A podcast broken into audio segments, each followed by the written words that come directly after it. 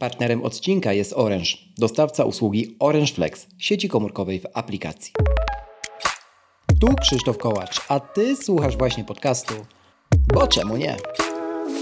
Usłyszysz w nim o technologiach, które nas otaczają i nas w tych technologiach zanurzonych. Sprawdzam, pytam i podpowiadam, jak korzystać z nich tak, aby to one służyły nam, a nie my im.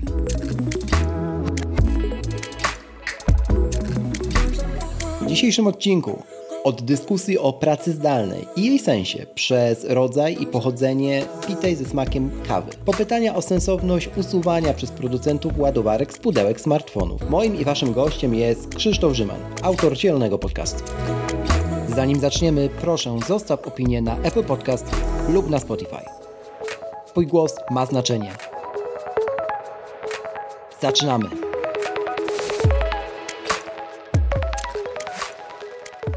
Cześć i dzień dobry. Dziś moim i waszym gościem jest Krzysztof Rzyman, autor zielonego podcastu, zielony przedsiębiorca, właściciel kawiarni Last Ways i palarni kawy z misją. Tych tytułów można by jeszcze dużo tutaj wymieniać, ale Krzychu, pozwól, że po prostu powiem dzień dobry, cześć.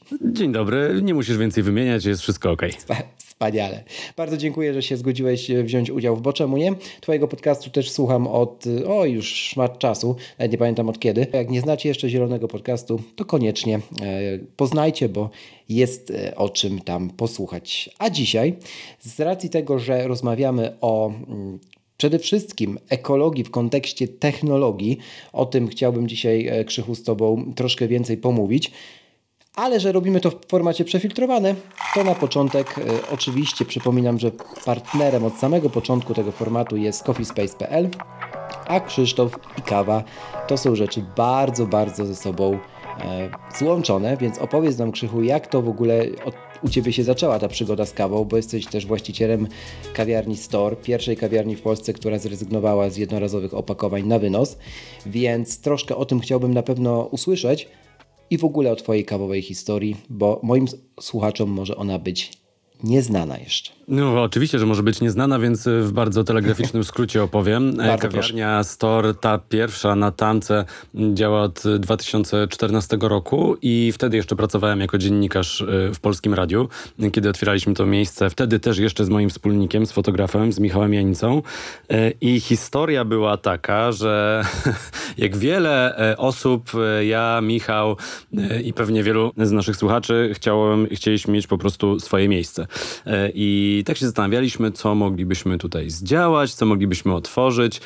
W Warszawie to też był początek tak zwanej trzeciej fali w kawie, kawy speciality. Ona się wtedy jeszcze dość powoli rozlewała po mieście e, i pomyśleliśmy sobie, ok, no jeżeli mamy otwierać kawiarnię, to musi być kawiarnia speciality, bo te wartości podzielamy, e, więc się na to e, zdecydowaliśmy. No a taka idea, która nam wtedy przyświecała, przypomnę jeszcze raz, 2014 rok, to szmat czasu, e, to idea, która nam przyświecała, to to, żeby ta kawiarnia była przystępna dla gości, szczególnie tych, którzy o kawie wiedzą jeszcze e, niewiele.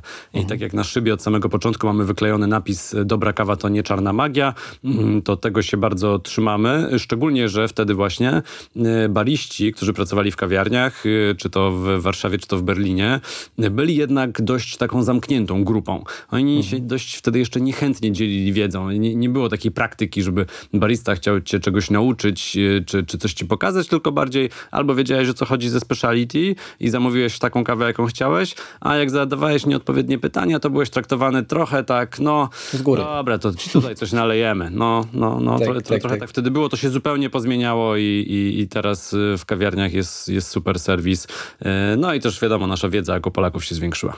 Tak, zdecydowanie i tu warto podkreślić, co staram się robić przy każdej możliwej okazji, kiedy o kawie jest mi dane rozmawiać. Trzeba podkreślić, że w Polsce ta świadomość i w ogóle kultura picia kawy wysokiej jakości, kawy speciality jest wyjątkowo rozwinięta i dość szybko nam to poszło. Ja mam wrażenie, że Polacy są takim narodem, który, który jak już się z czymś zainteresuje, przykładem były płatności też zbliżeniowe, to idzie w to 100 na 100, nie? I to jest super pozytywne, bo rzeczywiście tej kultury picia kawy u nas jest sporo.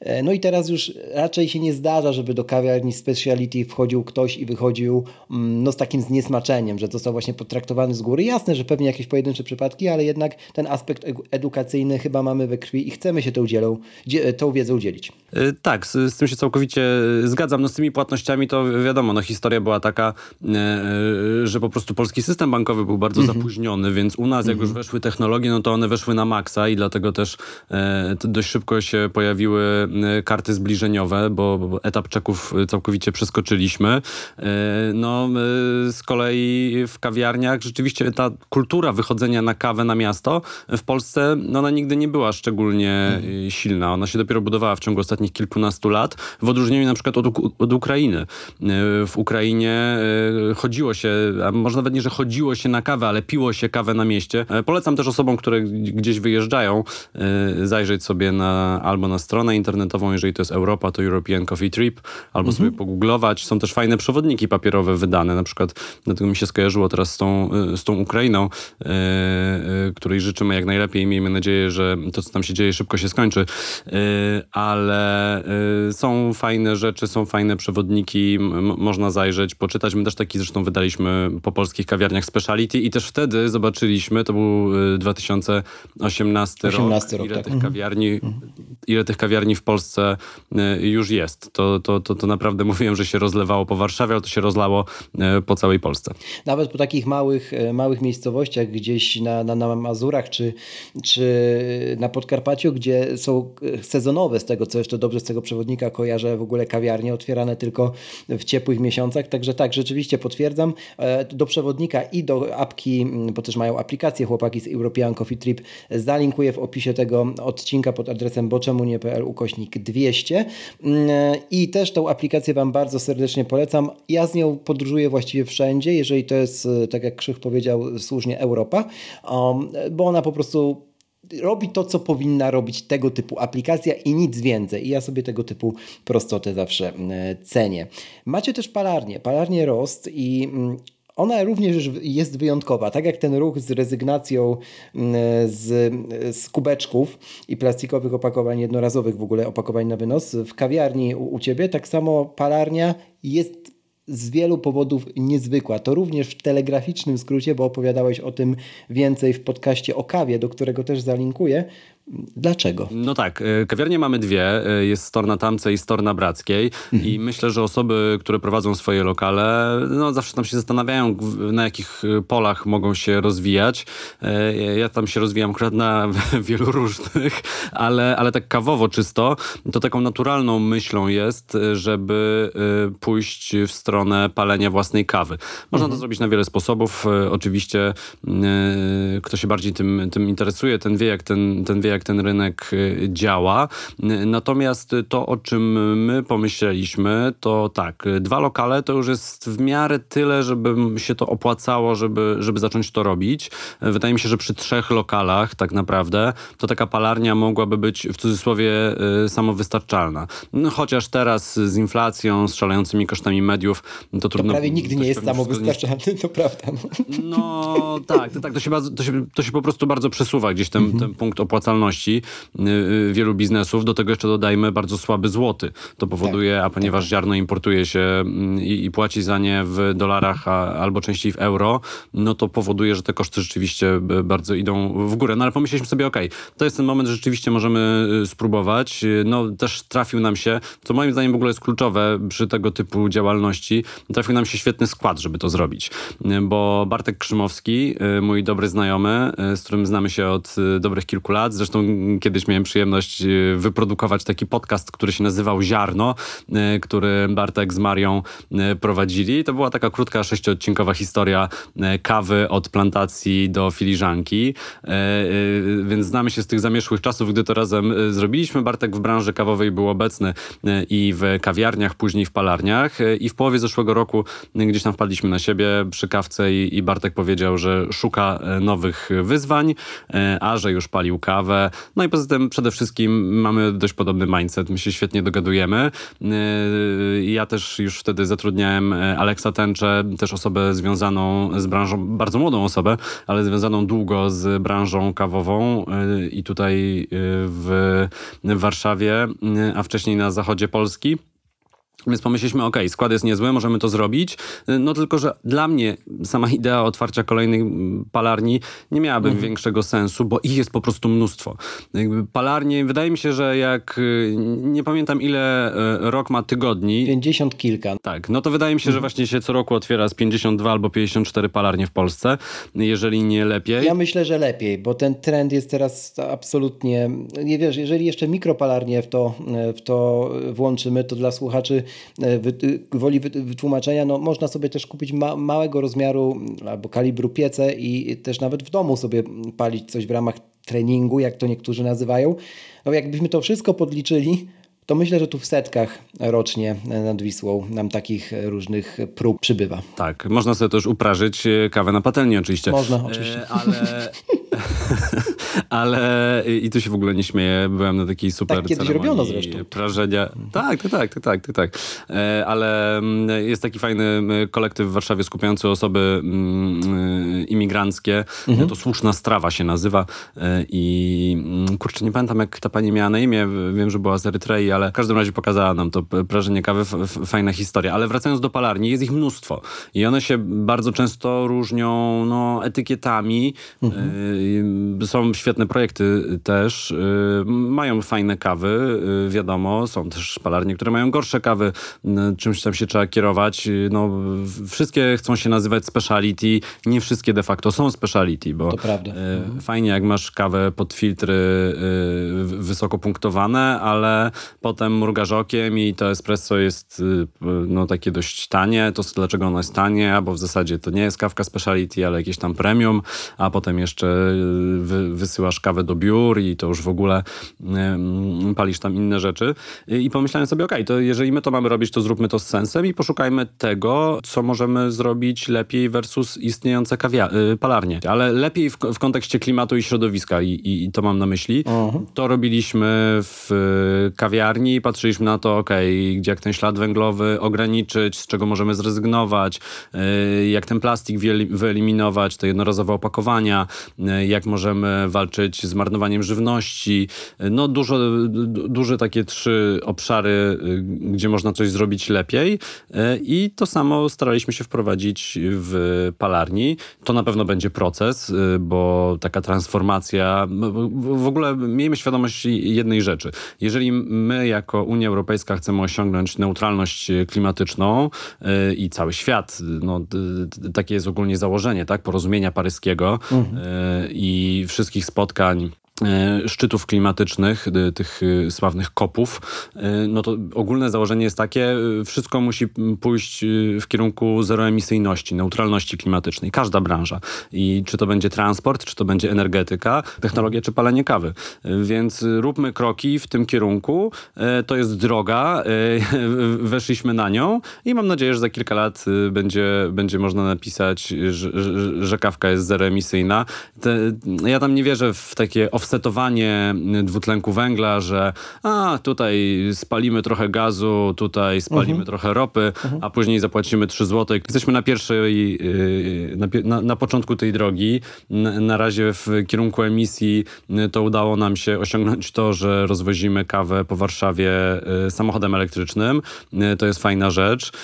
Udało nam się że nasze opakowania i etykiety y, są y, kompostowalne, czyli możesz je po prostu wyrzucić do kompostu i one się rozłożą, mają odpowiednie certyfikaty. To nie jest prosta rzecz, dlatego że opakowania zwykle albo są wielomateriałowe, no czyli de facto nic się z nim nie da zrobić, no możesz wyrzucić do Do zmieszanych. zmieszanego, dokładnie. Albo, albo możesz mieć opakowanie jednomateriałowe z plastiku, no tylko, że wcześniej ten plastik trzeba wyprodukować, a później niestety on, mm, mm, czy on zostanie poddany recyklingowi, czy nie, no to jest dość dyskusyjne, jeżeli spojrzysz na polskie statystyki. Więc, więc to są takie kroki na drodze, żeby było lepiej. No docelowo mam nadzieję, że to się w perspektywie kilku miesięcy ziści. y, Będziemy mieli swój piec, który będzie elektryczny. Y, No i wtedy Super. zielony prąd, albo solary na dachu, albo umowa na zielony prąd. Y, No i wtedy możesz rzeczywiście realnie ograniczyć te emisje. Na razie współdzielimy zasoby i też jakoś tego nie wstydzę, bo część ludzi jak mnie pyta, o, a gdzie macie te palarnie, gdzie macie te palarnie? Mówię, no słuchaj, mamy biuro y, w Śródmieściu Warszawy, bo tak jest nam wszystkim y, wygodnie, bo nie musimy gdzieś daleko dojeżdżać, y, ale palimy kawę w innych palarniach. No bo się znamy, bo te piece nie są wykorzystywane w 100%, a bardzo często nie są nawet wykorzystywane w 50%. Też mamy nadzieję, że uda się stworzyć trochę też taki hub dla ludzi, którzy chcą zacząć y, palenie kawy, ale do końca jeszcze nie wiedzą Jak? gdzie. No bo d- też nie oszukujmy się, no, nam ten piec też nie będzie potrzebny y, w Non-stop. 100%. No oprócz tego y, jeszcze zdecydowaliśmy się, żeby 5% ze sprzedaży każdej paczki, czyli nieważne czy, czy w hurcie, czy, czy w detalu, y, żeby przeznaczać te pieniądze na projekty rozwojowe w krajach, gdzie kawa y, jest uprawiana, a akurat w tym pomaga nam fundacja założona przez ekipkę związaną z Kofideskiem, z Olgudem. No i super. I te wszystkie rzeczy gdzieś się łączą też w temacie jednak sięgania po tę, tę nową technologię, bo wspomniałeś o pan- panelach słonecznych, wspomniałeś też o piecu elektrycznym, co, na czym Ci bardzo zależy. To może sobie teraz do tej technologii przejdźmy.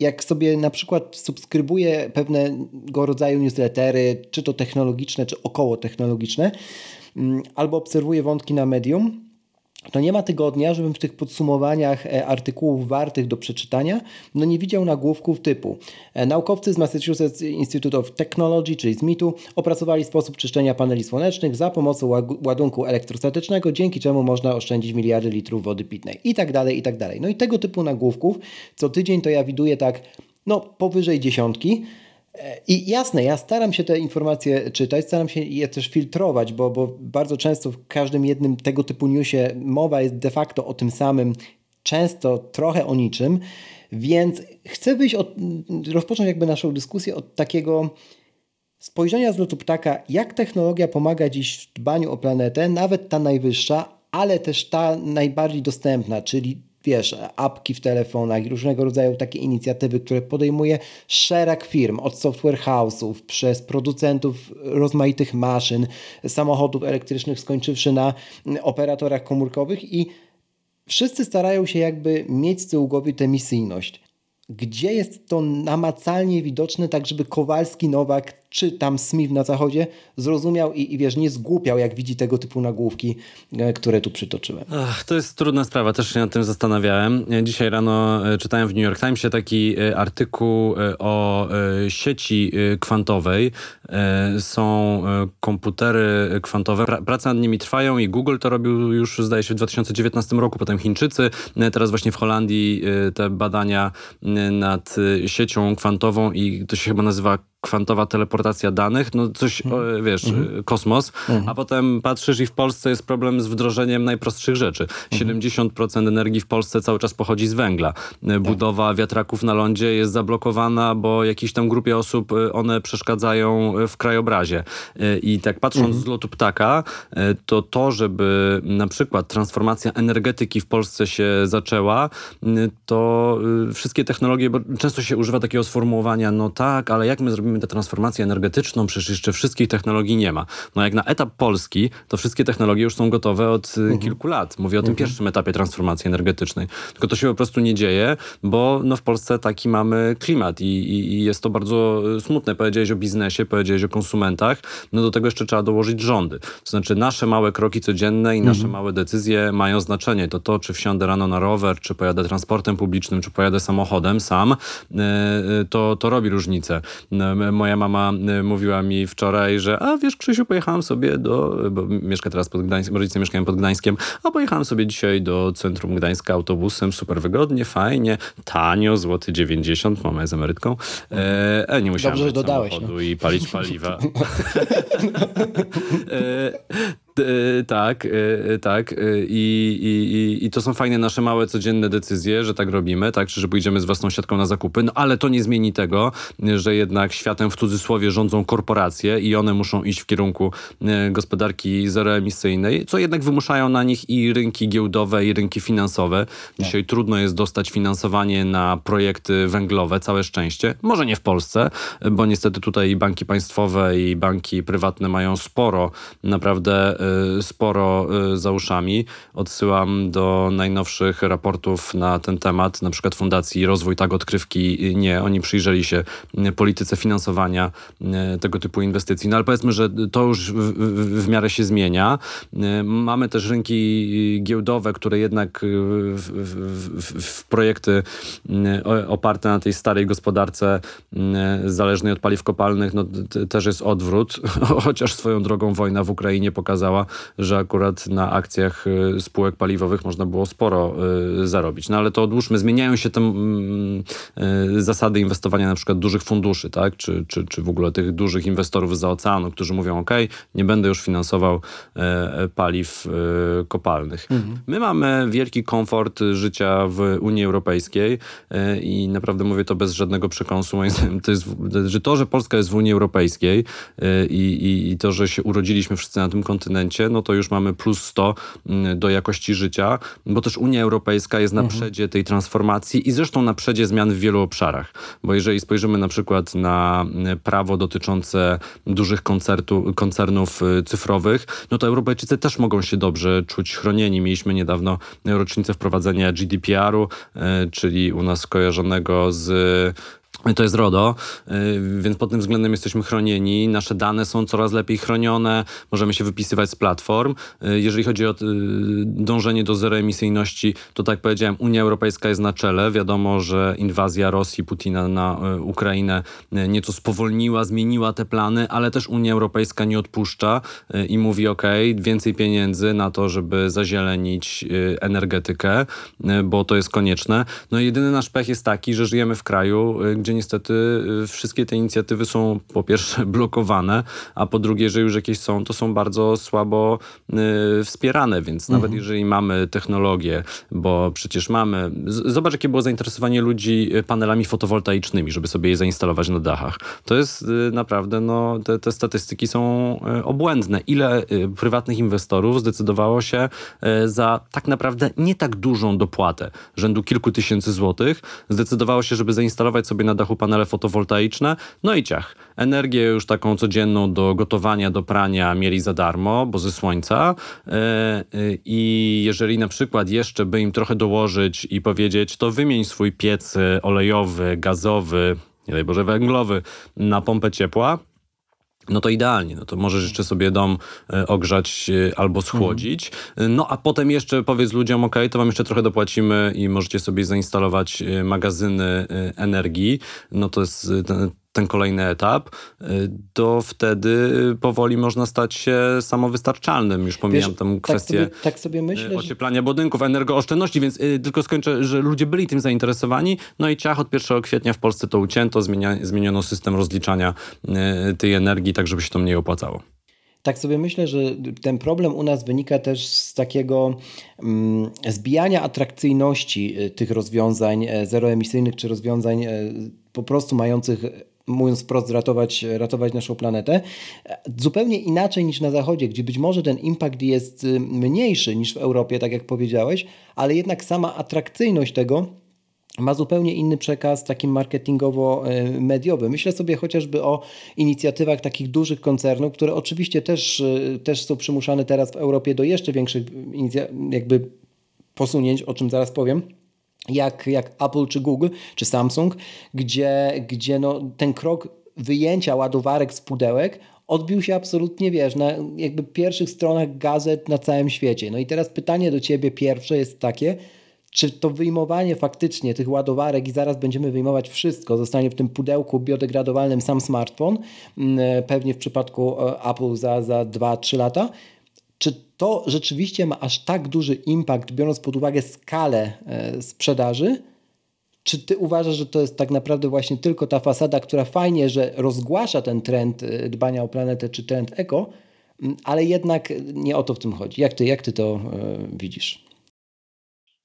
Jeżeli chodzi o te ładowarki, to dla mnie to jest po prostu element taki symboliczny. To znaczy okay. wyjmujemy te mhm. ładowarki, bo naprawdę każdy ma już tych ładowarek w domu e, Dokładnie. mnóstwo. Mhm. E, ja bardziej patrzę na to, że okej, okay, ja mam telefon z marki z jabłuszkiem i on ma 3 lata i nie potrzebuję go w tym momencie wymieniać, bo on cały czas działa, już jest ta technologia, te procesory, te kamery na takim poziomie. E, mo może jedynie bateria po jakimś czasie. To możesz wymienić akurat, to spoko. Dokładnie, i to, mhm. i to możesz wymienić, mhm. ale ta ładowarka i wyjęcie przez producenta tego czy innego, to jest, ten, to jest coś, co może my widzimy tak mhm. namacalnie, ale to, że ten producent y, będzie odpowiedzialny za to, żeby poddać te poprzednie swoje egzemplarze recyklingowi, mhm. odzyskać z nich metale żam, y, ziem rzadkich, y, to, żeby obudowy tych telefonów były robione z materiałów z recyklingu, to dla mnie tu, tutaj czai się ta wielka zmiana.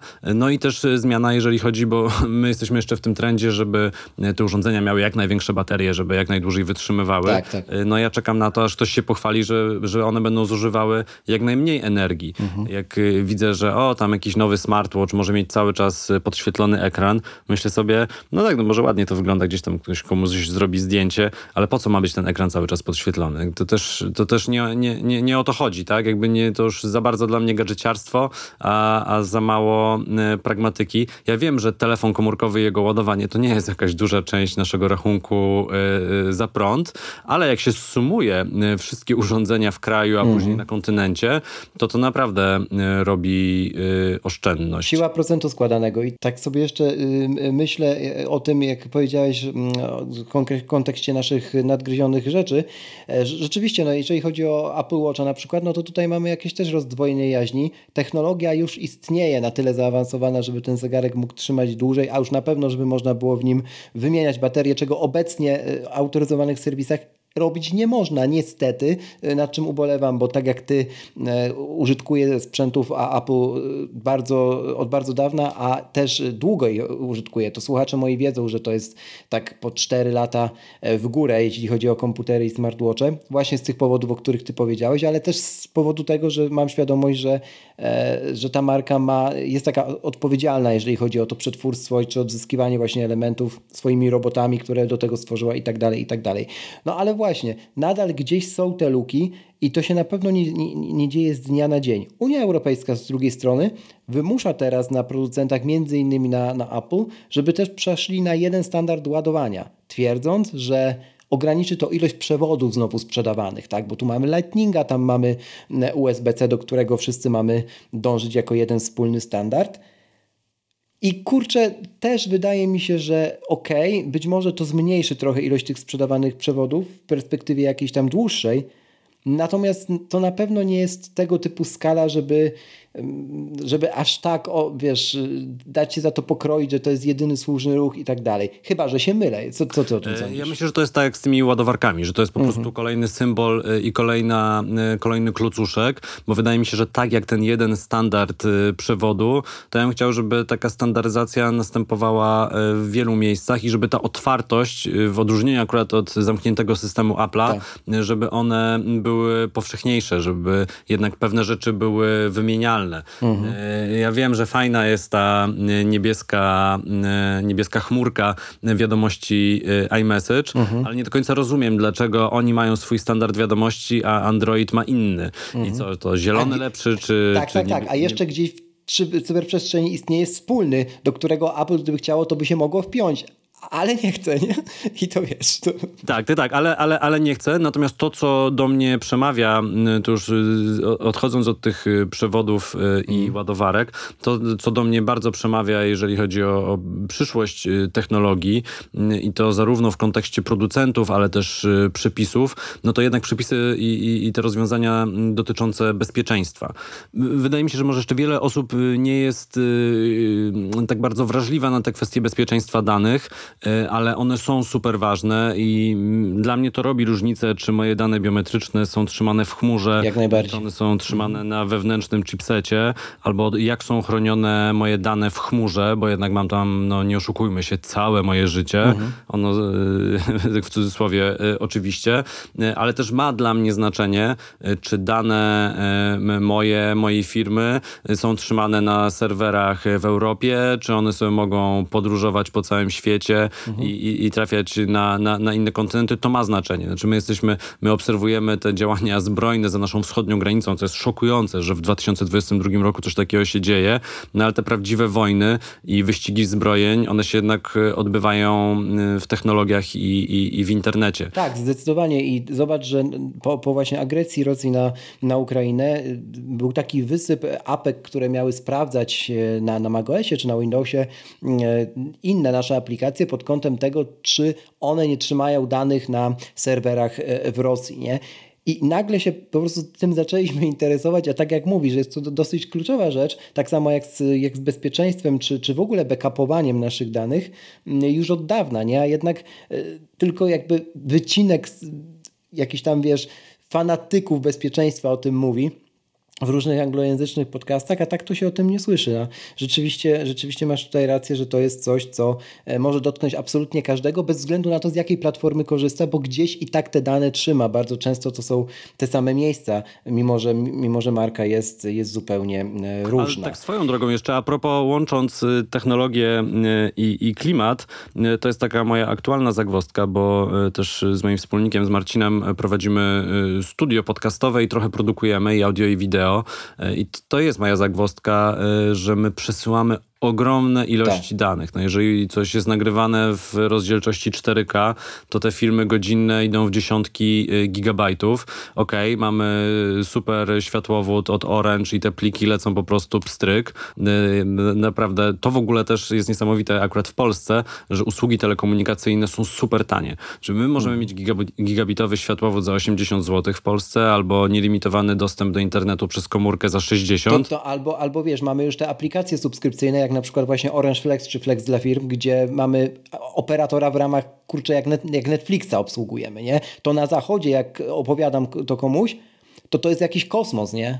W sensie naprawdę, to, to, to wiesz... Tak, tak, tak. I to, i to warto, warto docenić, bo tak to nie wygląda wszędzie e, na świecie. Ale to, co jest dla mnie jakąś tam zagwozdką, kurczę, no skala emisji związana z przesyłaniem plików w internecie i strzymaniem tego wszystkiego e, w chmurach. Wiadomo, że każdy chce, żeby to było wygodne i żeby te pliki, które wysyłamy, były dostępne zawsze i na zawsze e, w tej chmurze, żeby one sobie tam wisiały. E, No ale tutaj akurat ten darmowy WeTransfer ma rację, że te pliki wiszą tam tylko kilka dni, tydzień i później są usuwane, bo jednak te serwery y, trzeba czymś zasilić, później trzeba je schłodzić i ten gigabajt do gigabajta i okazuje się, że masz kilka terabajtów zajętych y, gdzieś tam plikami, które są w sumie do niczego niepotrzebne i, i, i jednak ten dysk y, SSD czy, czy jakiś tam dysk y, backupowy, y, raidowy y, y, może mniej wygodny, bo nie masz tego, do tego dostępu z całego świata. Cyfrowi nomadzi będą oburzeni, y, no ale prawda jest taka, że, że nie można dzisiaj wszystkiego trzymać y, w chmurze. Y, To też trochę dotyczy, no też, y, też trochę związane z naszym bezpieczeństwem, tak? Jakieś tam dokumenty, tak. y, zdjęcia. Nam się zawsze wydaje, że wszystko jest bezpieczne do tego momentu, kiedy tracimy do czegoś dostęp, nie? I nagle się okazuje, że była jakaś tam dziura i czegoś nie przewidzieliśmy. Tak sobie myślę w kontekście nawet inteligentnego domu, który jest gdzieś jakimś jednym z takich moich wyborów na, na to, jak ja staram się też, zresztą o nich powiem później, jak ja staram się też gdzieś tam być bliżej, bliżej planety, no bo dużo ten inteligentny dom może, może za nas zrobić, tak, dbać o, o zużycie też e- energii, czy, czy sterować oświetleniem i tak dalej, czy na przykład wyłączaniem sprzętów, które w tym momencie nie są potrzebne zupełnie. Natomiast on również działa e, offline'owo, nie, w sensie Oczywiście wykorzystuje router domowy, żeby się z tymi urządzeniami czy moduł mm, komunikacji Bluetooth w- komunikować. Natomiast generalnie bez internetu da radę, da radę w wielu aspektach y, to wszystko obsługiwać. I tak sobie myślę, że te offline'owe właśnie rozwiązania, ta droga, do której tak mocno też Apple zmierza, ym, ze względu na prywatność oczywiście, ale też z innych względów, no z jakiegoś powodu oni to wliczają w swój, e, swój plan bycia firmą neutralną do 2030 roku, e, bo sobie to czytałem nawet. Mm, no bo właśnie tak jak ty mówisz, to są małe rzeczy, takie rzeczy, które codziennie jednak mają ogromny impact. W przeciwieństwie na przykład do chwalenia się, że twoja strona internetowa jest neutralna, bo jakiś tam startup wymyślił usługę, która to przelicza, nie? Wiesz o co mi chodzi. W sensie nie dajmy się też zwariować, ale szukajmy tych takich codziennych punktów zaczepienia, w których można, można rzeczywiście dużo zdziałać. Też pod kątem nie? bezpieczeństwa swoją drogą, tak. no bo fajnie jest mieć e, zamek, e, który jest podłączony do internetu. Też w jednym miejscu mam taki zamek podłączony do internetu, ale nie wiem jakiej marki. Ale też mam z tyłu głowy coś takiego, mm, fajnie, że to jest wygodne, że zapomnę kluczy, mogę otworzyć telefonem, no ale jak ktoś to kiedyś zhakuje, to mhm. otworzy wszystkie zamki tej marki na świecie. Zresztą przybyła historia samochodów, na które następowały włamania. Mhm. Ja patrząc też na oprogramowanie y, w samochodach, y, szczególnie tych takich starszych marek, to jakby wiemy jak te touchscreeny wyglądają. Tak. tak więc mamy te touchscreeny nawet w nowych modelach, które są jednak siermiężne i pewnie mało ktoś się zastanawia, ok, a co jest z drugiej strony tej technologii? Tam są bardzo często już na stałe zamontowane karty SIM w samochodach. Te, te, te samochody są połączone z internetem, ale no nie wiem jak to jest do końca z bezpieczeństwem tych wszystkich rozwiązań, a myślę, że w dobie samochodów autonomicznych, która nadchodzi, jakby na to nie patrzeć, na pewno w Stanach y, Zjednoczonych, Chinach, w Rosji y, y, mhm. to się dzieje i za parę lat ja bym chciał się czuć bezpiecznie wsiadając do jakiejś autonomicznej taksówki, bo zresztą przecież wiemy, że te modele biznesowe Ubera na przykład, czy, czy Lifta, to się ma opierać na tym, że nie będzie tam żadnego pracownika w środku w samochodzie, tylko po prostu będzie to jeden wielki system leasingu samochodów, jedna firma posiada samochody, czy, czy, czy ma je wyleasingowane i jako usługę oferuje później y, klientom y, indywidualnym. A jeszcze tak a propos technologii i samochodów, to mi tak wpadło do głowy, powiedziałem wcześniej o tych magazynach energii przydomowych. Tak, tak. Bardzo mhm. mało jeszcze samochodów oferuje taką możliwość, że mogą być one magazynami energii jednocześnie. To znaczy, że mogą i pobierać energię i później oddawać. Reverse charging. Tak, no. ale, ale, ale to się zmienia. Też ten, kto obserwuje, co się dzieje u Ilona Maska i, i w jego różnych biznesach, i regulacja social mediów yy, i mediów w internecie, to zresztą jest bardzo duży obszar, który mam nadzieję, że yy, w końcu zostanie jakoś yy, zaadresowany. No ale widzimy, że akcje Tesli tracą z różnych powodów, ale to między innymi też dlatego, że duzi producenci amerykańscy wchodzą wreszcie na ten rynek elektryków. Trochę to trwało i mamy teraz na przykład pick-upa nowego e, Forda e, F-150 Lightning. Mam nadzieję, że tutaj też nie mylę nazwy. Też nie jestem jakimś petrolheadem czy, e, czy EV nie headem. Mhm. Ale, tak, ale to, jest, ale to jest model samochodu, który ma to, to dwustronne ładowanie. I to tak. jest super, tak, mhm. że wchodzisz na rynek i dajesz, ok, może ta sama buda tak zwana samochodu jest stara, to jest po prostu zaadaptowany istniejący model y, pick-upa, e, ale oferujesz ludziom y, coś więcej, tak? I to jest coś super y, przydatnego, no bo wiemy jak działa energia słoneczna. No, ona działa, gdy się świeci.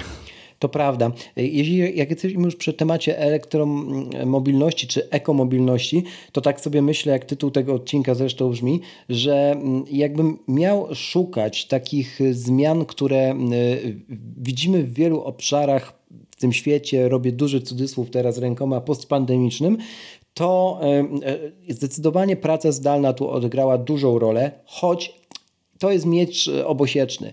Praca zdalna mówi się, że mogła e, uświadomić niektórym osobom, jak dużo też, no bo poszło to z ich portfela, jak dużo też energii sama praca w świecie głównie cyfrowym e, kosztuje, natomiast e, też pokazała, że można pracować znowu skądkolwiek, na, na, nawiązując do tego nomadyzmu, który już tu wywołałeś. I ja mam na przykład znajomych, którzy zrezygnowali zupełnie z samochodu, w sensie sprzedali ten samochód, nie? Dobrze im z tym jest, nawet twierdzą, że odkryli nowe oblicze pracy zdalnej przemieszczając się rowerem czy, mm, czy innym, e, innymi środkami komunikacji po, po, po miastach. Nie dziwi mnie to zupełnie, tylko też się zastanawiam, jak w kontekście przyszłości, bo praca zdalna będzie tym trendem, który teraz będzie mo mocno na przodzie, Jak do tego podchodzić tak zdroworozsądkowo właśnie w kontekście, w kontekście planety? Co ty o tym e, myślisz? Bo to też jest dla mnie szalenie ciekawe. E, dużo ostatnio e, o tym czytałem, ale na przykładzie akurat amerykańskim. Zresztą w Stanach Zjednoczonych ten trend, że ludzie w pandemii zaczęli celowo, a nie mhm. w wymuszony sposób zmieniać pracę, to, to, to się tam zaczęło. I teraz, gdy zaczęły się powroty do biur w dużych korporacjach, chociaż sytuacja covidowa w Stanach Zjednoczonych jest jest też inna niż w Polsce. Tam jeszcze końca pandemii nie, nie widać. ogłoszono. Mhm. mhm. Tak, to tam jest ten trend, że duże firmy technologiczne, w tym Apple, zresztą ten, kto się interesuje, ten wie, że tam nawet pracownicy, co się rzadko zdarza, akurat w tamtej korporacji wystosowali taki list otwarty do menedżerów, żeby nie przymuszać ich do powrotu tak. do pracy w takim wymiarze, w jakim to było planowane. Tam zresztą jeden z menedżerów nawet odszedł z pracy z tego powodu, odpowiedzialny chyba za sztuczną inteligencję. Nawet nie jeden, nawet nie jeden odszedł, a w ogóle cała sytuacja jest kuriozalna, bo Apple to, to, to, totalnie rozłożyło na, na łopatki. Oni kompletnie nie wiedzą, jak sobie z tym poradzić, medialnie, marketingowo, PR-owo, whatever, do tego stopnia, że potrafią wypuścić reklamę swoich produktów, która zachęca do zakładania swoich firm i odchodzenia z pracy typu na przykład Apple i nikt tego nie wyłapie, że to jest w złym momencie i że jakby wypuszczone i że to się gryzie. To są kurioza i, te, i z tego typu mm, wyzwaniem PR-owym ta firma od bardzo dawna się nie mierzyła i kompletnie sobie nie umie z tym poradzić. E, tak, e, ale wspominam o tym w kontekście tego, że e, ostatnio, bo inna jest sytuacja i to też rozróżnijmy, inna jest sytuacja menedżera, eksperta, osoby na wysokim mhm. stanowisku z dobrymi zarobkami, a inna jest, zawsze będzie sytuacja osoby na tych stanowiskach entry level, mhm. czy, czy gdzieś tam w customer service. E, to są prace w korporacjach, ok, ale one często nie są super płatne e, i też pamiętajmy o tym, że to, co dla jednego jest wygodne, e, ta praca zdalna, dla innych osób, które na przykład mają małe mieszkanie, mhm. mają dzieci w domu, to też nie zawsze będzie wygodne i daleki bym od tego, że firma może zupełnie nie mieć siedziby i zmusić cię do tego, żebyś pracował zdalnie, no bo jednak liczmy się z tym, że praca oznacza też, że jest to miejsce do wykonywania pracy, tak? A jeżeli firma nie ma swojego biura, co przecież nie jest obowiązkowe, e, to jest mnóstwo przestrzeni coworkingowych, w których, w których te biurko może, mogą ci wynająć i jestem za tym, żeby jednak pracodawca miał ten obowiązek zagwarantowania ci miejsca, gdzie możesz pracować, a nie, że koniecznie musisz robić to z domu, bo yy, no, nie chciałbym mieć takiej sytuacji, że ktoś tam jest zmuszany do tego, że musi pracować yy, z domu, sam zapłacić za internet, za prąd i to też wiadomo, wiadomo, pandemia wywołała też wiele e, chorób e, e, u, ludzi, to nie, nie tylko związanych z, z, brakiem ruchu, ale też problemów psychologicznych. Więc jakby to, to też miejmy na uwadze, że to, to jest potrzebne. Kawka na Zoomie to nie jest kawka w kuchni. No ale przechodząc do tej sytuacji amerykańskiej, to teraz dużym problemem dla tych firm jest to, że pracownicy nie chcą wracać do biur, co się wiąże między innymi z tym, że paliwa bardzo podrożały i wiele osób sobie nie kalkuluje, że okej, okay, mi się nie opłaca jeździć do pracy samochodem. I ja jestem, szczególnie jeżeli chodzi o Amerykę, zdecydowanie na tak, no bo mhm. oni jeszcze mają wszyscy właśnie te suwy, o których wspominaliśmy. No pali to koszmarne mhm. ilości paliwa. Okej, okay, taniego z naszej perspektywy paliwa, ale wciąż y, pali dużo, y, y, a te trasy dojazdów typu tam półtorej godziny, dwie godziny, no to jest też strata duża czasu dla osób, które w tych firmach pracują, więc ten trend pracy zdalnej zdecydowanie jestem na tak, chociaż wydaje mi się, że taka rozsądniejsza rzecz to jednak jest praca hybrydowa, bo ten kontakt z drugim człowiekiem jest równie ważny, ale ci, którzy protestują przeciwko powrotom do pracy, oprócz tych wątków finansowych, to są często też osoby, którym po prostu jest to na rękę, bo mogą sobie posiedzieć w innym, ładniejszym, cieplejszym miejscu i, i, i z tego miejsca sobie pracować, co powoduje z kolei inny problem dla pracodawców, to też jeszcze do końca nie zaadresowany e, przez prawo, no co na przykład z odpowiedzialnością w przypadku jakichś wypadków, tak? No dzisiaj jest tak, Dokładnie tak, że de facto e, jak, jak pojedziesz sobie do Tajlandii i robisz sobie takie workation, no to nie może być legalny. Już pomijam kwestię mhm podatkowe. No ale powiedzmy, że w tej Tajlandii nie, nie, przekroczysz tego terminu, ile możesz pracować e, poza Polską, chyba że sobie zrobisz tak zwany visa run i, i wyjedziesz tam na chwilę e, mhm. obok, wrócisz i możesz zostać na kolejnych kilka miesięcy. No ale to na przykład w przypadku wypadku, no, no to jeżeli twój pracodawca w jakimkolwiek momencie dowiedział się, że tam siedzisz, no to ci powinien powiedzieć, no to musisz wracać, bo nie możesz pracować poza, e, poza tam obszarem, e, pewnie, nie, nie wiem jak to jest rozliczane w dużych korporacjach, no ale pewnie poza obszarem Unii, czy jakiegoś tam europejskiego obszaru gospodarczego. Praktyka pokazuje, że y, bardzo wielu pracodawców po prostu udaje, że tego tematu nie ma i można pracować skądkolwiek, oczywiście na swoją odpowiedzialność, że jeśli wypadek będzie, no to no jakby go nie było, nie? Jasne, to jest podejście złe, y, nieodpowiednie, ale no nie oszukujmy się, tak to teraz wygląda i myślę, że dopóki tych regulacji z góry nie będzie, a nie zapowiada się, chociaż tam jakieś ostatnio czytałem newsy na ten temat, żeby były... Tak, tak, coś tam z pracą zdalną się dzieje, Tak. ale nie, sądzę, żeby akurat to było, ta, ta, żeby ta kwestia akurat była No uregulowana. właśnie, wydaje mi się, że oni uregulują w Polsce dokładnie coś takiego jak kto ma dopłacać do internetu albo prądu, a jakby wiesz, że jak usłyszą Tajlandia, no to odłóżmy na 2035, nie? Tak mi się wydaje, że tak to się skończy. Może się mylę, chciałbym się mylić. Słuchajcie, dzisiaj ponownie Orange jest partnerem tego odcinka i nie jest to po raz kolejny przypadek. Staram się zawsze dobierać partnerów tak, aby za tymi wyborami szła konkretna wartość. Tak jest i w tym przypadku i przemawiają za tym fakty. Po pierwsze, Orange Flex od samego początku swojej obecności w Polsce stara się dbać o środowisko naturalne. Jest to operator w subskrypcji i już samo to generuje znaczące korzyści dla środowiska naturalnego. Wszystko od założenia konta, które zakładamy w aplikacji, poprzez zamówienie karty SIM, tej wirtualnej lub fizycznej, co też robimy w aplikacji, generuje dużo mniej plastiku, nie generujemy również papierologii, e-faktury dostajemy na maila, a jeśli zdecydujemy się na eSIM, czyli tą wirtualną kartę SIM, na przykład, którą możemy wykorzystać w swoim Apple Watchu, o czym mówiłem w odcinku 193, no to odpadają nam koszty związane z emisją mm, przy transporcie tej karty fizycznej do, do klienta, czyli do Was, a plastiku generujemy jeszcze mniej, bo karta jest po prostu wirtualna. Możecie skorzystać nawet jako przedsiębiorcy prowadzący jednoosobową działalność gospodarczą, co jest szalenie dużym plusem, bo tak jak wspomniałem, chociażby e-faktury, które dostajecie na maila, czy łatwość zrezygnowania z tej subskrypcji lub zmiany planu, na który się decydujecie, Dokładnie tak samo jak robicie to w przypadku usług VOD, na przykład Netflixa czy HBO Max, jest szalenie proste. Orange Flex ma też ciekawe inicjatywy. Jedną z nich, która przykuła moją uwagę już na samym momencie jej startu w tamtym roku, są tak zwane ekogigabajty. To chyba pierwsza tego typu akcja, która faktycznie przekonała mnie do siebie swoją prostotą. I bardzo mało w tej akcji od samego początku było widać, no wiecie, takiego marketingu czystego, za to bardzo dużo prostoty, którą ja sobie szalenie cenię. Pomysł na to, aby przekazywać niewykorzystane w ramach planu Orange Flex y, gigabajty internetu, aby oni mogli za nie posadzić kolejne metry kwadratowe lasu, wydał mi się wręcz za prosty, a mimo to jest super skuteczny. Jest coś niesamowitego w patrzeniu na to, że dzięki czemuś, czego tak de facto nie potrzebujemy, też ze względu na pandemię, która się sporo do tego przyczyniła, siedzieliśmy w domach podpięci do swoich domowych Wi-Fi, więc nie potrzebowaliśmy też tych gigabajtów tyle, e, jeśli chodzi o internet mobilny, co wcześniej. No i coś z nimi trzeba było robić, tak? Oczywiście w ramach Orange Flex czy Flex firm możemy je przekazać innej osobie, która korzysta z tej samej e, usługi.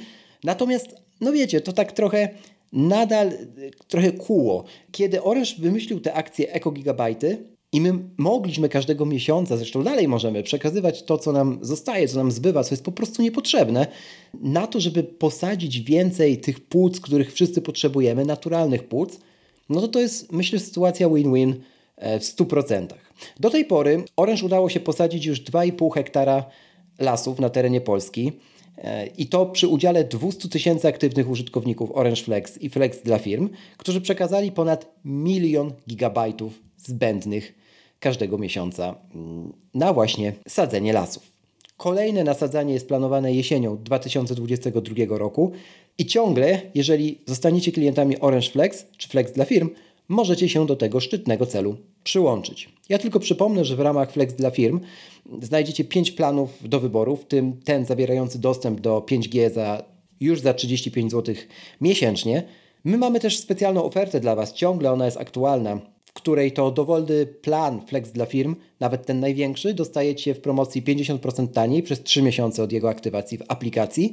Wystarczy tam wpisać specjalny kod podczas tej aktywacji numeru Flex dla firm i ten kod dla słuchaczy, bo czemu nie, brzmi Flex czemu.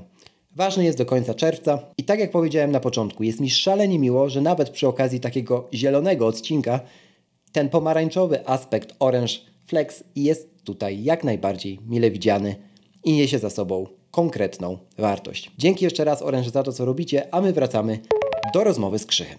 To jeszcze tak na koniec, bo chciałem Cię podpytać jako eksperta, oczywiście zielonego przedsiębiorcę, mm, o, o takie Twoje tipy, jak, jak Ty na co dzień starasz się być bardziej eko, tylko nie w kontekście biznesów, które e, prowadzisz, tylko w kontekście takiego normalnego życia, bo to, z czym ja się też spotkałem mm, czy my się spotkaliśmy jakby z moją też Klaudią w, w życiu, no to to są bardzo takie duże skrajności, które bardziej um, od bycia pro planeta nas odsunęły na jakiś czas niż przy, przyciągnęły ze względu na to, jak były przedstawiane. Nie? Więc wierzę, że też jesteś w stanie powiedzieć, co taki zwykły zjadacz chleba, ja to oczywiście też zaraz powiem, co my, my staramy się robić, on może robić, żeby właśnie wiedzieć, że dokłada tę małą cegiełkę, bo dużo o tych cegiełkach dzisiaj e, No właśnie, zjadacz e, chleba czy zjadacz kotleta. E, możemy zacząć o, bardzo proszę. od diety bardzo dla proszę. planety.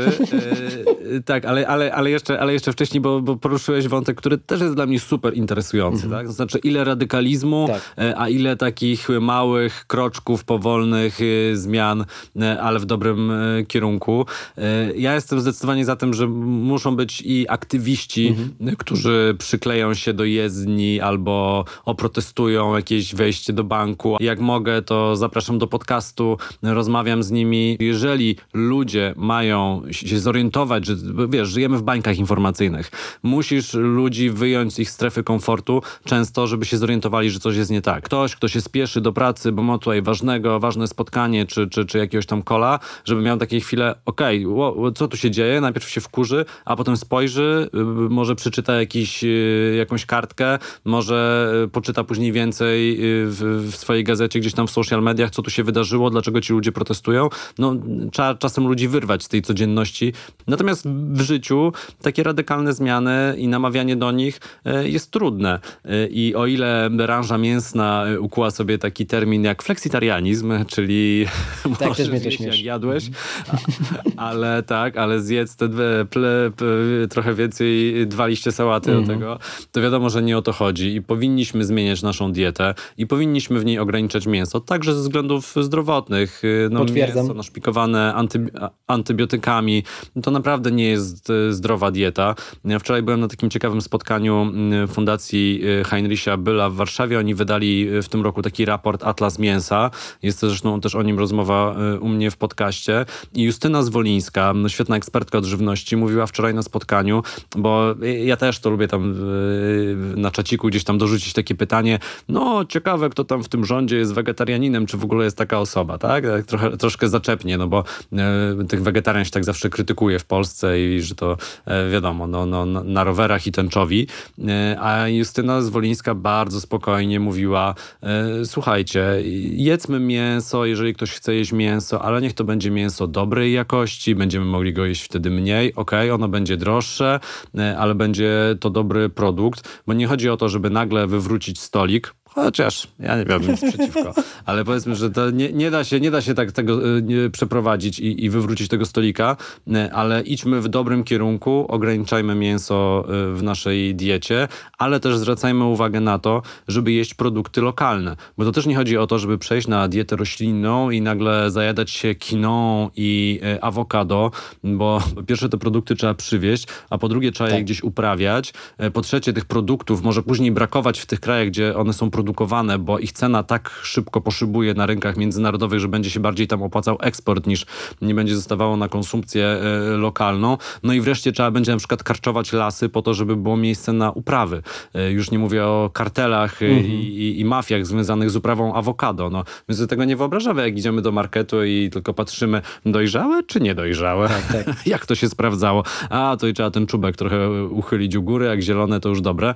W ogóle można też trochę ograniczyć jedzenie swoją drogą, a na pewno ograniczyć zakupy, bo skala marnowania żywności jest ogromna i to już są najgorzej wydane pieniądze, bo nie dość, że te pieniądze trafiają bezpośrednio do śmietnika, no to pomyślmy o tym tak, to jest czyjaś praca, którą ktoś włożył, Dokładnie. to może jest e, to, to, to, zwierzę, jeżeli tam kupiliśmy kotlecika albo szynkę, e, no i też wreszcie to są te emisje, które za tym stoją, bo my nie mówimy o zmianie diety Dlatego, e, że jesteśmy jakimiś zafiksowanymi weganinami, wegetarianami, ale mamy świadomość, że patrząc na cały ten budżet emisji dwutlenku węgla i jego ekwiwalentów, bo wszystko liczy się w dwutlenku węgla, ale nie wszystko jest dwutlenkiem Mhm. węgla. Mamy jeszcze przecież metan i tlenki azotu. Metan bardzo często gorszy gaz, bo powoduje wyższe stężenia i to globalne ocieplenie trochę przyspiesza wtedy. Więc my mówimy o tym dlatego, żeby ograniczać te emisje y, i róbmy to, y, y, róbmy to z głową po prostu, tak? I, I to jest jedna rzecz, którą możemy sami zrobić. Druga rzecz to jest transport, ale o tym już powiedziałeś. Historie osób, które zrezygnowały z własnych samochodów i, i sobie jeżdżą transportem publicznym, super. Ja też kilka lat temu zrezygnowałem z własnego samochodu. żyjesz. Bardzo to czułem też w moim... No nie, ja to żyję w ogóle luksusowo, ponieważ ja mieszkam w śródmieściu Warszawy, więc, ale w takiej bardzo spokojnej części, czyli na Powiślu śmieję się, że moje życie wygląda jak u ojca Mateusza. Mam wszędzie 15 minut na piechotę, no rowerem to w ogóle 4. Jeszcze obok mnie jest, widzę z okna zakon Szarytek. Ja naprawdę się czuję jak w jakimś Kazimierzu albo Sandomierzu. Zdecydowanie tak. Chociaż jak ktoś ma dzieciaki e, albo jakiś tam domek pod miastem, no to e, rozumiem. Coś za coś, że, dokładnie. Tak, tak, tak. No nie, nie, nie, nie wszyscy i nie na każdym etapie mogą. E, Swoją drogą polecam też e, wątki e, antynatalistyczne, czy w ogóle posiadanie dzieci jest ekologiczne. E, To jest dyskusja, która się e, pojawia w naszym pokoleniu. Coraz więcej osób decyduje się już świadomie na to, żeby nie mieć dzieci. E, Bardzo kontrowersyjne. Specjalnie dopowiedziałem, żeby słuchacze mogli się na coś wkurzyć też w tym podcaście, e, żeby nie było tak miło, że tylko porozmawialiśmy, wiesz, o iPhone'ie i o kawce. to myślę, że myślę, że spokojnie, spokojnie. Akurat w przypadku tego podcastu, to prawie w każdym odcinku ktoś, ktoś się o coś może wkurzyć. Ja to w zupełności rozumiem. Też zawsze mówię, że nie jestem tutaj święty, ani nigdy bym się za takiego świętego nie uważał, więc e, no, każdy jest tylko z nas człowiekiem. Każdy popełnia jakieś błędy i szuka też wentylu, wentylu upustu dla swoich emocji w ten czy inny sposób, więc, więc śmiało, śmiało można tutaj tego typu kwestie e, poruszać. Ja zresztą też zupełnie wprost mogę powiedzieć, że my jesteśmy jedną z tych, e, jedną z tych par, które no, są zdeklarowane, żeby potomstwa nie posiadać, a- ale też zupełnie nie mam problemu, żeby mówić o tym otwarcie e, i wprost. Chciałbym też trochę powiedzieć o, na koniec właśnie o tym, co, co ja tutaj gdzieś tam staram się, czy co my staramy się robić. E, Po tym pierwszym zderzeniu, które było, tak jak już powiedziałem, niezbyt, niezbyt miłe, z całym tym tematem. E, Ja, ja zawsze jak właśnie o tym rozmawiam, to mówię, żeby spróbować popatrzeć na to, jaki jest stan zastany, nie? W sensie, no jeżeli mamy jakieś połacie plastiku e, zgromadzone w domu, to niekoniecznie dobrym pomysłem jest taki zryw narodowo-wyzwoleńczy pod tytułem wywalę wszystko do mm, kubła zmieszane, mm, bo jestem teraz taki eko-minimalista i, i posiadam jedną łyżeczkę i jeden nóż, e, tylko jakby jak najdłuższa też eksploatacja tego, co, co mm, posiadamy, to zaczęliśmy tę dyskusję w tym kontekście od, od technologii, od wybierania może droższych marek, ale które starczają na, na, na dłużej, a, no, a można skończyć chociażby na opakowaniach na, na żywność, która całkiem, które całkiem dobrze e, służą przez wiele lat i mm, myślę, że wielu znam, wiele znam takich osób, które właśnie poszły w ten narodowo-wyzwoleńczy zryw. Mm, i niekoniecznie jest to droga, którą polecam. Tak samo rośliny, e, otaczanie się zielenią jest ok, jest super i fajnie to wprowadzić do swojego domu, ale też nie na skalę taką, żeby później w tych roślinach tonąć, a nie umiejąc ich do, do końca, nie umiejąc do końca o nie dbać, tak żeby, żeby po prostu się nie marnowały i, i żeby ich później nie wyrzucać. To też z czym się też często spotyka. Dbanie o kondycję. Ja lubię to, y, chociaż to nie jest popularna opinia, ale lubię to y, przytaczać, bo tak naprawdę jeśli my dbamy o swoje zdrowie i zapewniamy właśnie y, naszym ciałom odpowiedni balans, odpowiednią równowagę w kontekście różnym, y, psychicznym, fizycznym y, i gdzieś na styku tych dwóch, tych dwóch światów, no to też nie, dłużej nie będziemy musieli korzystać czy to z usług medycznych, czy dłużej nie będziemy musieli narzekać na swoje życia. I to narzekanie, wbrew pozorom, ma dużo wspólnego później z konsumpcjonizmem, czy z sięganiem po, po używki, czy po jakieś takie szybkie rzeczy. no bo jak my sami z sobą czujemy się źle, no to trudno, żebyśmy gdzieś tam z tyłu głowy dbanie o planetę, nie? I, I to jest niepopularna opinia, ale uważam, że ona na przykład bardzo dużo e, może zdziałać dobrego. Mm, zresztą mental health to jest temat, który ostatnio bardzo często wypływa. Mm, też korzystanie z tego typu trendów tam, gdzie można. W sensie, no jeżeli e, na przykład jakiś, jakiś dostawca aplikacji ma akcję pod tytułem przekazuje na jakieś ekologiczne działania pewne środki, sadzi lasy, nie wiem, e, daje jakieś inne możliwości, to ja jestem zdania, że, po, że warto z tego, oczywiście po sprawdzeniu takim więcej niż pobieżnym całej, całej tego tematu, warto z tego korzystać, bo to są te małe rzeczy, które możemy e, robić, korona z głowy nam nie spadnie, a też nas to nic nie kosztuje, możemy te małe cegiełki gdzieś tam e, dokładać. O żywności nie będę się tu rozwodził, bo też ci, którzy słuchają od dłuższego czasu, bo czemu nie wiedzą, że też e, z mięsa zrezygnowałem no, gdzieś ponad dwa lata temu i tak jak ja to lubię mówić, w życiu nie byłem w lepszej kondycji, lepiej nie biegałem i lepiej mi się nie żyło, ani lepiej nie spałem, tak na marginesie. Natomiast to też nie na ten odcinek. Tak jakbym miał podsumować, to najpierw zobaczmy, co mamy, czego z tego faktycznie możemy się pozbyć, ale nie w głupi sposób, i starajmy się jak najbardziej stawiać na tą długowieczność, zarówno pod względem naszych żyć i dbania o nie, e, jak i pod względem produktów czy rzeczy, z których korzystamy. Nie wiem, czy się ze mną zgodzić, możemy się też pokłócić na koniec. nie, nie, nie, ale jeżeli masz jeszcze dosłownie trzy minuty, to jeszcze tylko jedną rzecz bym e, dodał e, do naszej rozmowy.